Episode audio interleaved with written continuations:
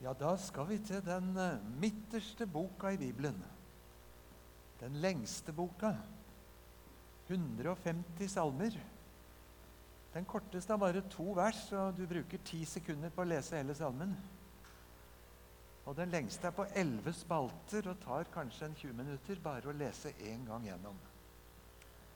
Og Den lengste den hadde egentlig passa ca. like godt som den første for det vi skal snakke om i dag. For Den lengste salme 119 den bruker 176 vers på å fortelle hvor utrolig bra det er at vi har fått en bibel. Og hva godt som kan skje hvis vi fokuserer der og lever der. Og hvor galt det går hvis vi skroter den. Vi skal ikke lese hele den salmen nå.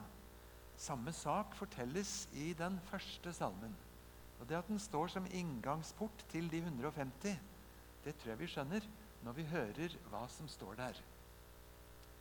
Salme 1.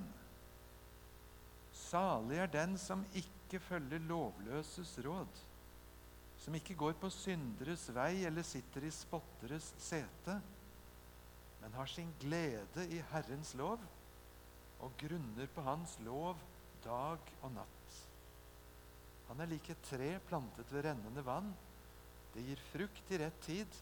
Løvet visner ikke. Alt han gjør, skal lykkes. Slik er det ikke med de lovløse. De er lik agner som spres for vinden. Derfor kan ingen skyldig bli stående i dommen. Ingen syndere i flokken av rettferdige. For Herren kjenner veien de rettferdige går, men de urettferdiges vei fører vill. Ja, Her begynte det med en glose som i bibelspråket heter 'salig'. Og Hvis du ikke satt på møte i misjonssalen, men du satt på T-banen ved siden av en som ikke kjente Bibelen, og så dukket dette ordet 'salig' opp, hvordan ville du forklart det? Ikke så helt enkelt. Er det en følelse? Ja, bra. Men det er jo ikke først og fremst en følelse, det er mer en tilstand. Hvis jeg skulle omskrive det, så ville jeg si at salig det betyr at himmelen gratulerer. Altså, Gud gratulerer deg som har det slik og slik. Sånn begynte Jesus bergprekenen. Salig er den som er konkurs og fattig i seg selv. Når det er tomt for oss, er det kanskje plass for Gud. Hvis blikket er vendt den veien. Og Så brukes ordet 'salig' spesielt når noen er blitt tilgitt. Gikk med en skyld, gikk med en gjeld. Og så kom noen og tok hele gjelda bort, og så ble du fri. Og vår salme sier 'Salig er den som' har sin lyst og glede i Herrens lov og som grunner, grubler, mumler, tenker, mediterer på den dag og natt. Du har lyst til å bli en sånn? Ser du for deg en litt nerdete type? Litt introvert og fjern? Med blikket ned i boka? Og en som passa bedre i Big Bang World enn i et eller annet vi driver med? Bibelen er liksom ikke så redd for den ensidigheten, er den er. Den vil livet balansere. Men dag og natt grubler, grunner på Herrens lov. Jeg har fått møte noen sånne gjennom livet.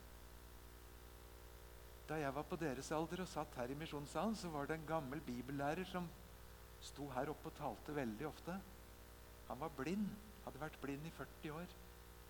Han kunne hele Nytestamentet utenat. Alle de 150 salmene kunne han utenat. Han talte som regel tre kvarter, kunne ikke ha noe manuskript og var innom en drøss bibeltekster. Det var for så vidt imponerende, men det hadde gjort noe med den mannen. Sånn at samme hva han tok opp, så var liksom hans ressurser Det var bibelteksten. Utrolig fint. Så har jeg fått møte studenter på Fjellhaug som har satt seg et sånt hårete mål om å lære f.eks. hele Markusevangeliet utenat, og som har klart det. Og som har latt seg overtale til å stå på podiet i auditoriet vårt og framføre hele Markusevangeliet, eller for noen hele romerbrevet utenat. Ikke for å imponere, bare, men for liksom å spre idealet og grunne på Herrens lov. Egentlig et veldig fint ideal. Hvis jeg klarer å pugge ett bibelvers hver uke, så er det 50 på ett år. 100 på to år. F.eks. å skrive det på en liten gul Post-It-lapp og sette det på innsida av skapdøra. Så ingen andre behøver å se hva du driver med. Men du ser det kanskje tre ganger om dagen. Så blir det noen flere lapper, og prøve å huske de. Og så gjør de bibelversene et eller annet med oss. Ifølge teksten her så gjør de at vi blir som et tre som er planta ved rennende bekker. Og Det visste de hva var i gamle Israel, hvor det var så mye ødemark og nesten, jo, nesten ørken. Forskjellen på de trærne som nesten klarte seg, og de som hadde røtter rett ned i faste vannkilder. Sånn blir du, sier Gud, hvis det er ditt fokus. Nå handler ikke denne salmen om hvordan vi blir kristne. Og det handler ikke om hvordan vi skal møte Gud på dommedag og imponere Gud med å kunne Bibelen forlengs og baklengs utenat. Tror du det er det som er himmelbilletten? Nei, du vet det er ikke sånn. Gud spør etter noe annet. Denne teksten handler ikke om hvordan du og jeg får tilgivelse for våre synder.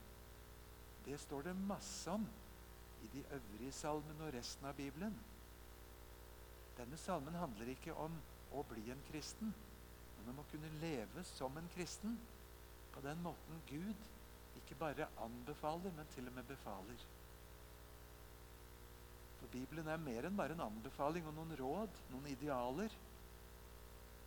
Alt det jeg har befalt dere, sa Jesus i misjonsbefalingen.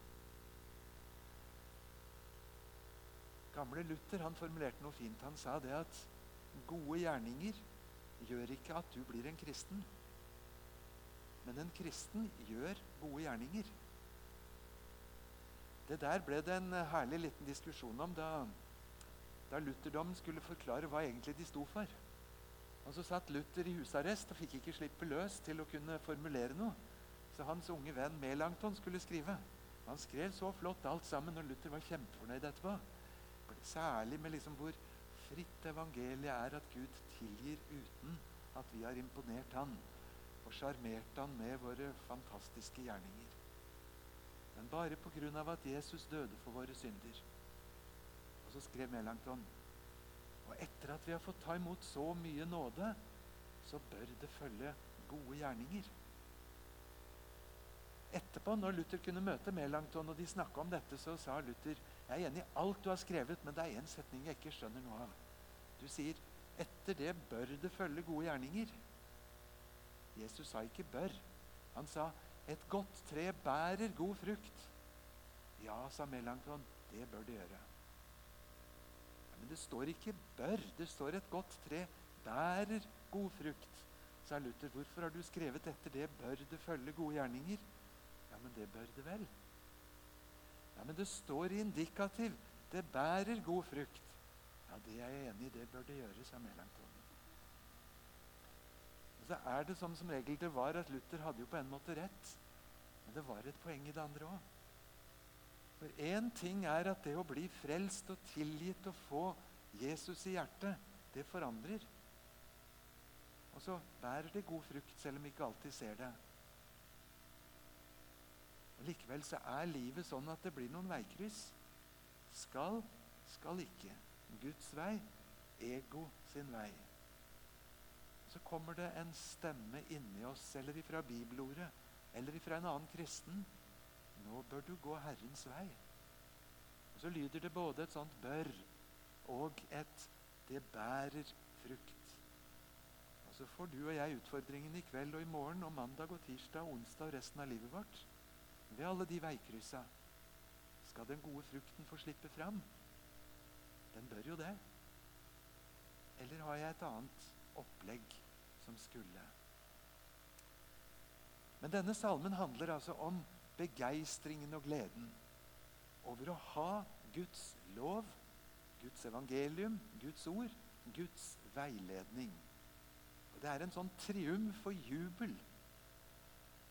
Og det er liksom ingen advarsler i teksten om å bli en smule nerdete. Her handler det om å både natt og dag bruke sin fokus på denne teksten som Gud har gitt oss. Og så handler det ikke bare om hode og teori, men det handler om å gå på Herrens vei. Motsatt. Du sitter ikke i spotteres sete. Du går ikke på veien med de ugudelige.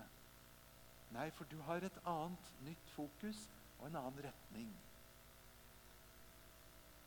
Det er veldig vanlig å flire litt av det uttrykket 'å være midt i kristenbobla'. Å komme seg ut av kristenbobla, ut av drivhuset, ut av gettoen, til den virkelige verden. Og jeg forstår hva de tenker på som bruker det uttrykket. Nå har jeg lest Bibelen en del år. Jeg har prøvd å lete ganske aktivt etter en advarsel mot å få litt for mye kristenboble. Vet du hva jeg har funnet? Ingenting. Til nå har jeg ikke funnet ett bibelord som advarer mot det. Jeg tror Gud forstår hva de mener som bruker uttrykket. Men i Bibelen så går advarselen veldig ofte den motsatte vei. Å ikke sitte i spottere sete, ikke gå på deres, ikke lytte, ikke forsyne seg av å spise, drikke, høre, fylle seg med det som drar en annen vei. La Gud slippe til med det han ville si.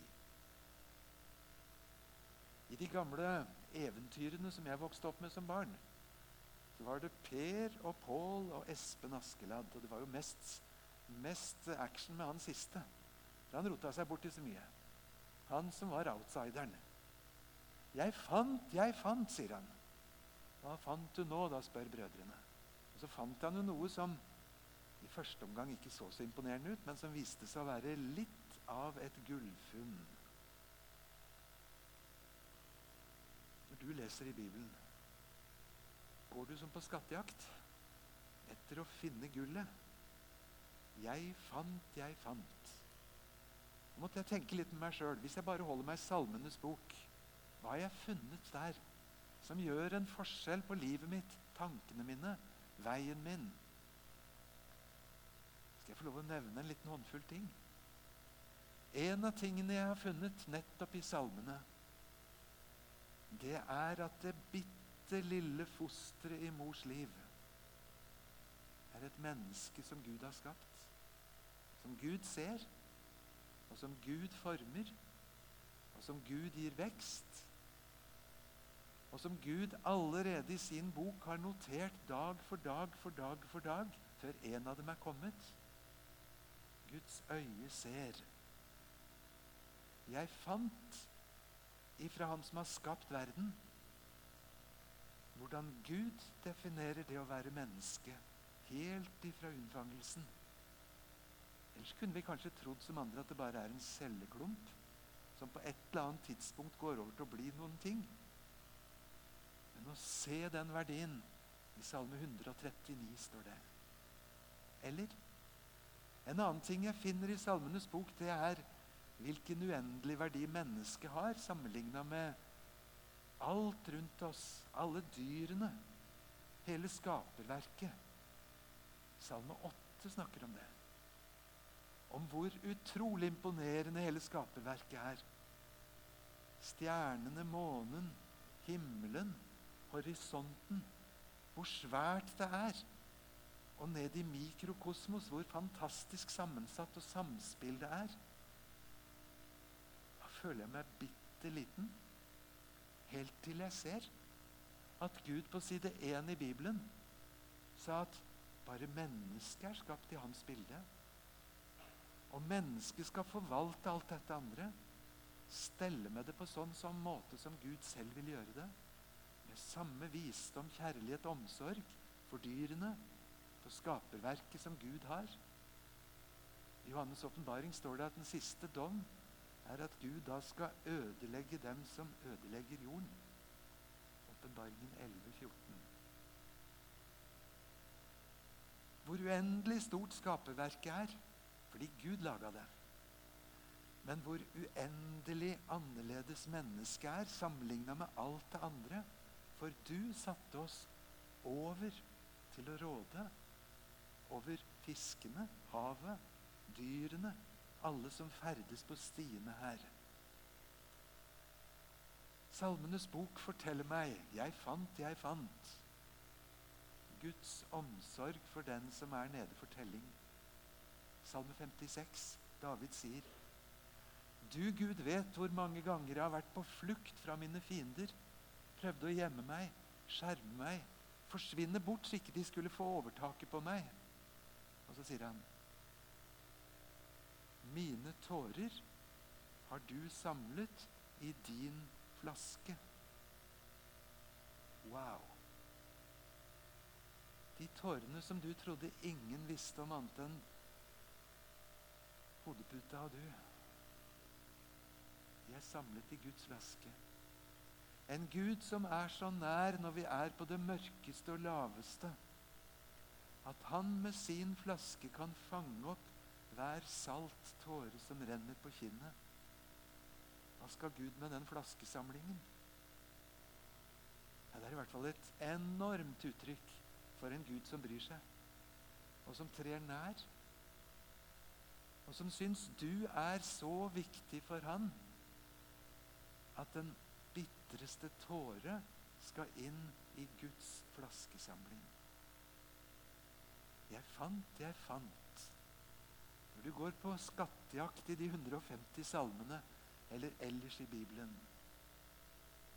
Jeg fant, jeg fant hvor unik jeg er. Nå må jeg fortelle noe jeg opplevde for et drøyt år siden i Japan. Der er jeg født og vokst opp, og så har jeg av og til fått være der og undervise litt på et presteseminar. Mens jeg var der, var det en av de andre norske misjonærene som hadde besøk av en del andre som uh, var japanere med ganske forskjellig bakgrunn, både religiøst og menneskelig. Men de kom for å lære bitte litt mer engelsk. Litt sånn muntlig engelsk. Og Så satt de rundt bordet en liten gruppe, og så skulle hver av dem på tur liksom fortelle noen få setninger om et eller annet. Og En av greiene da for å få litt sånn liv og spenning i dette her, var at de trilla en terning. Og så Hva terningen kom på, det skulle da med en kode fortelle hva er din oppgave. Og så var det Dette var laga i USA, da. Så ei av de der hun trilla en terning. Og så så min gode venn misjonæren ansiktet til hun som fikk det terningkastet, ble helt mørkt. Og tenkte hva står det nå? Og så kikka jeg på hva det sto der på kortet som hun fant da ut ifra koden fra terningen. Så står det 'Explain why you are unique'. Så skulle hun da med enkle setninger si hva er det som gjør meg unik. Det var skikkelig flaus i Japan. Unik, det betyr du passer ikke inn. Du er utafor. Du er feilvare. Min gode venn misjonæren måtte gå mange runder med kloke japanere som kunne både japansk og engelsk. En god, gammel pastor. Han konkluderte med å si det er ingen måte en japaner kan se noe stort i å være unik. Det mest siterte ordtaket som fins i Japan If a nail sticks out, bang it in. Hvis noe stikker ut, bank det inn. Du skal passe inn. Den tanken at vi er unik, den ligger dypest sett ifra Bibelen. Så stort og flott det er at hele vår vestlige verden på en måte har gitt sin tilslutning til det Gud har sagt. At han skapte hvert menneske individuelt, akkurat som han vil ha oss. Det har jeg lært i Bibelen. Og de som enda ikke har fått Bibelen fordi de ble født i et land der den var ukjent, De strever med å alltid skulle gjemme seg inn i en mengde, kanskje, sånn som i Japan. For ikke å stikke ut ikke oppfattes som feilvare. Så kan vi bare ane hva det gjør for en forskjell i selvbildet. Å få lov til å si at 'jeg er jeg, og du, Gud, ville jeg skulle få lov til å være sånn'. Du la arbeid i å skape meg unik, til forskjell fra bare et samlebånd. Og Du ville det med en fortsettelse. En skattejakt. Jeg fant, jeg fant noe av det unike ved det å få lov til å være et menneske. Jeg må nesten få føye til en liten episode. Jeg satt i forgårs og leste en gammel sånn notatbok jeg hadde fra den gangen våre barn var små. Og så hadde jeg notert noe som seksåringen gutten vår en gang sa. Han ropte på meg. 'Du, pappa, kom og hjelp meg litt her.' For han fikk lov å sitte og spille data når de andre enda var på skolen. Det var hans datatid. Resten av tiden var den opptatt. Og så han kjørt seg opp til noe som han ikke kom helt forbi og ikke visste. 'Pappa, hva skal jeg trykke her?' Det står 'exit' eller 'kont'. Så forklarte han at 'exit' det betyr å slutte, veien ut. Og 'kont' det er engelsk og betyr 'continue'. Det er hvis du vil fortsette. 'Å ja, pappa. Når vi dør, da er det kont.' Seks år. Akkurat så kjapt som jeg sa det nå. For et herlig budskap. Et lite ekko. En som hadde fått lov å høre. Gud i himmelen har skapt deg og meg unik. Ikke for å gå her og streve i 70-80-90 år og så skrotes, og så lager han noen nye. Men fordi Gud vil noe med oss og for oss hele dette livet. Og når vi dør, så er det kont. Continue. Fordi han har laga oss med tanke på å dele en hel evighet med oss. Det har jeg lært i den boka der. Det hadde jeg ikke lært på annen måte. I denne boka så kan jeg lære at når vi skal dø, så er det ikke å bli født noen tusen ganger om igjen som et dyr, et menneske, et insekt, et eller annet. Å bære med oss en uendelig skyld av karma fra tidligere liv. Selv om faktisk milliarder av mennesker på kloden tror det. Nei, Gud har skapt oss for å leve, og så for en evighet hos Han. Det er ikke sant, det jeg vokste opp med i Japan, hvor buddhistene rundt oss lærte at alt er lidelse. Livets mål er en gang å slippe å leve, så du blir som dråpen som forsvinner i det store nirvana i havet, og så er du ikke mer. Jesus kommer ikke med en teknikk for å slippe unna. Jeg er kommet for å gi dere liv. Overflod av liv. Evig liv. Med ham i hans himmel. Hadde dette vært på fjellet, så hadde vi hatt to ganger 45 minutter. Og jeg har ei lang liste til over ting jeg har funnet i denne boka. Det skal jeg spare dere for. Poenget er dess mer du og jeg omgir oss med dette, dess flere dager og netter vi grunner på Herrens lov, dess flere ganger kan Den hellige ånd få vise oss en ny skatt. Jo, Gud skapte meg med en verdi fra første øyeblikk av unnfangelse. Jeg er unik. Han vil noe med meg, en fortsettelse. Han går med meg i dødsskyggens dal med flaska si for å samle mine tårer. Det er et liv i frihet. Jeg husker Det gjorde inntrykk på meg da jeg ganske ung begynte å lese noen av tingene Hans Nilsen Hauge hadde skrevet. Da han hadde vært en kristen i bare fem uker, så han skrevet den første boka si. Og Den kalte han 'Om verdens dårlighet'. Om hvor dårlig livet var før jeg ble en kristen. Kom det en stemme inni meg så sa den, 'Sverre, hvis du etter å ha vært en kristen helt fra du var liten' skulle skrevet ærlig, ville det ikke noen ganger blitt om verdens herlighet som du som en kristen har vært avskåret fra å ta del i fordi du skulle gå på den smale veien. Jeg går noen runder med meg sjøl og tenker hvor, hvor gromt er det egentlig å sitte i spottere sete og gå på de ugudeliges vei? Han som hadde prøvd, han sa det er verdens dårlighet. Så brukte han resten av livet sitt på å åpne døra til det som er Guds herlige vei. Veien med Han. Det er ikke så sjelden i livet at det kjennes som om budene kommer som sånne forbud, stengsler.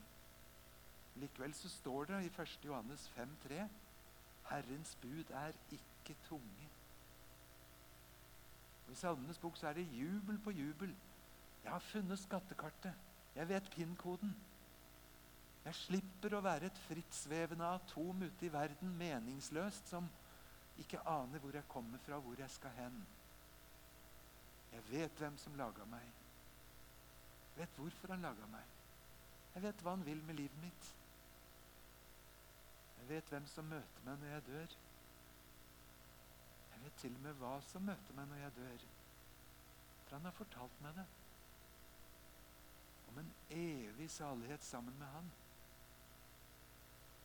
Er det synd på oss som har fått veiboka rett opp i fanget? Her ligger det fra Herrens hånd hva du og jeg trenger, skritt for skritt. Følger vi den, så har Han lovt hvor målet kommer.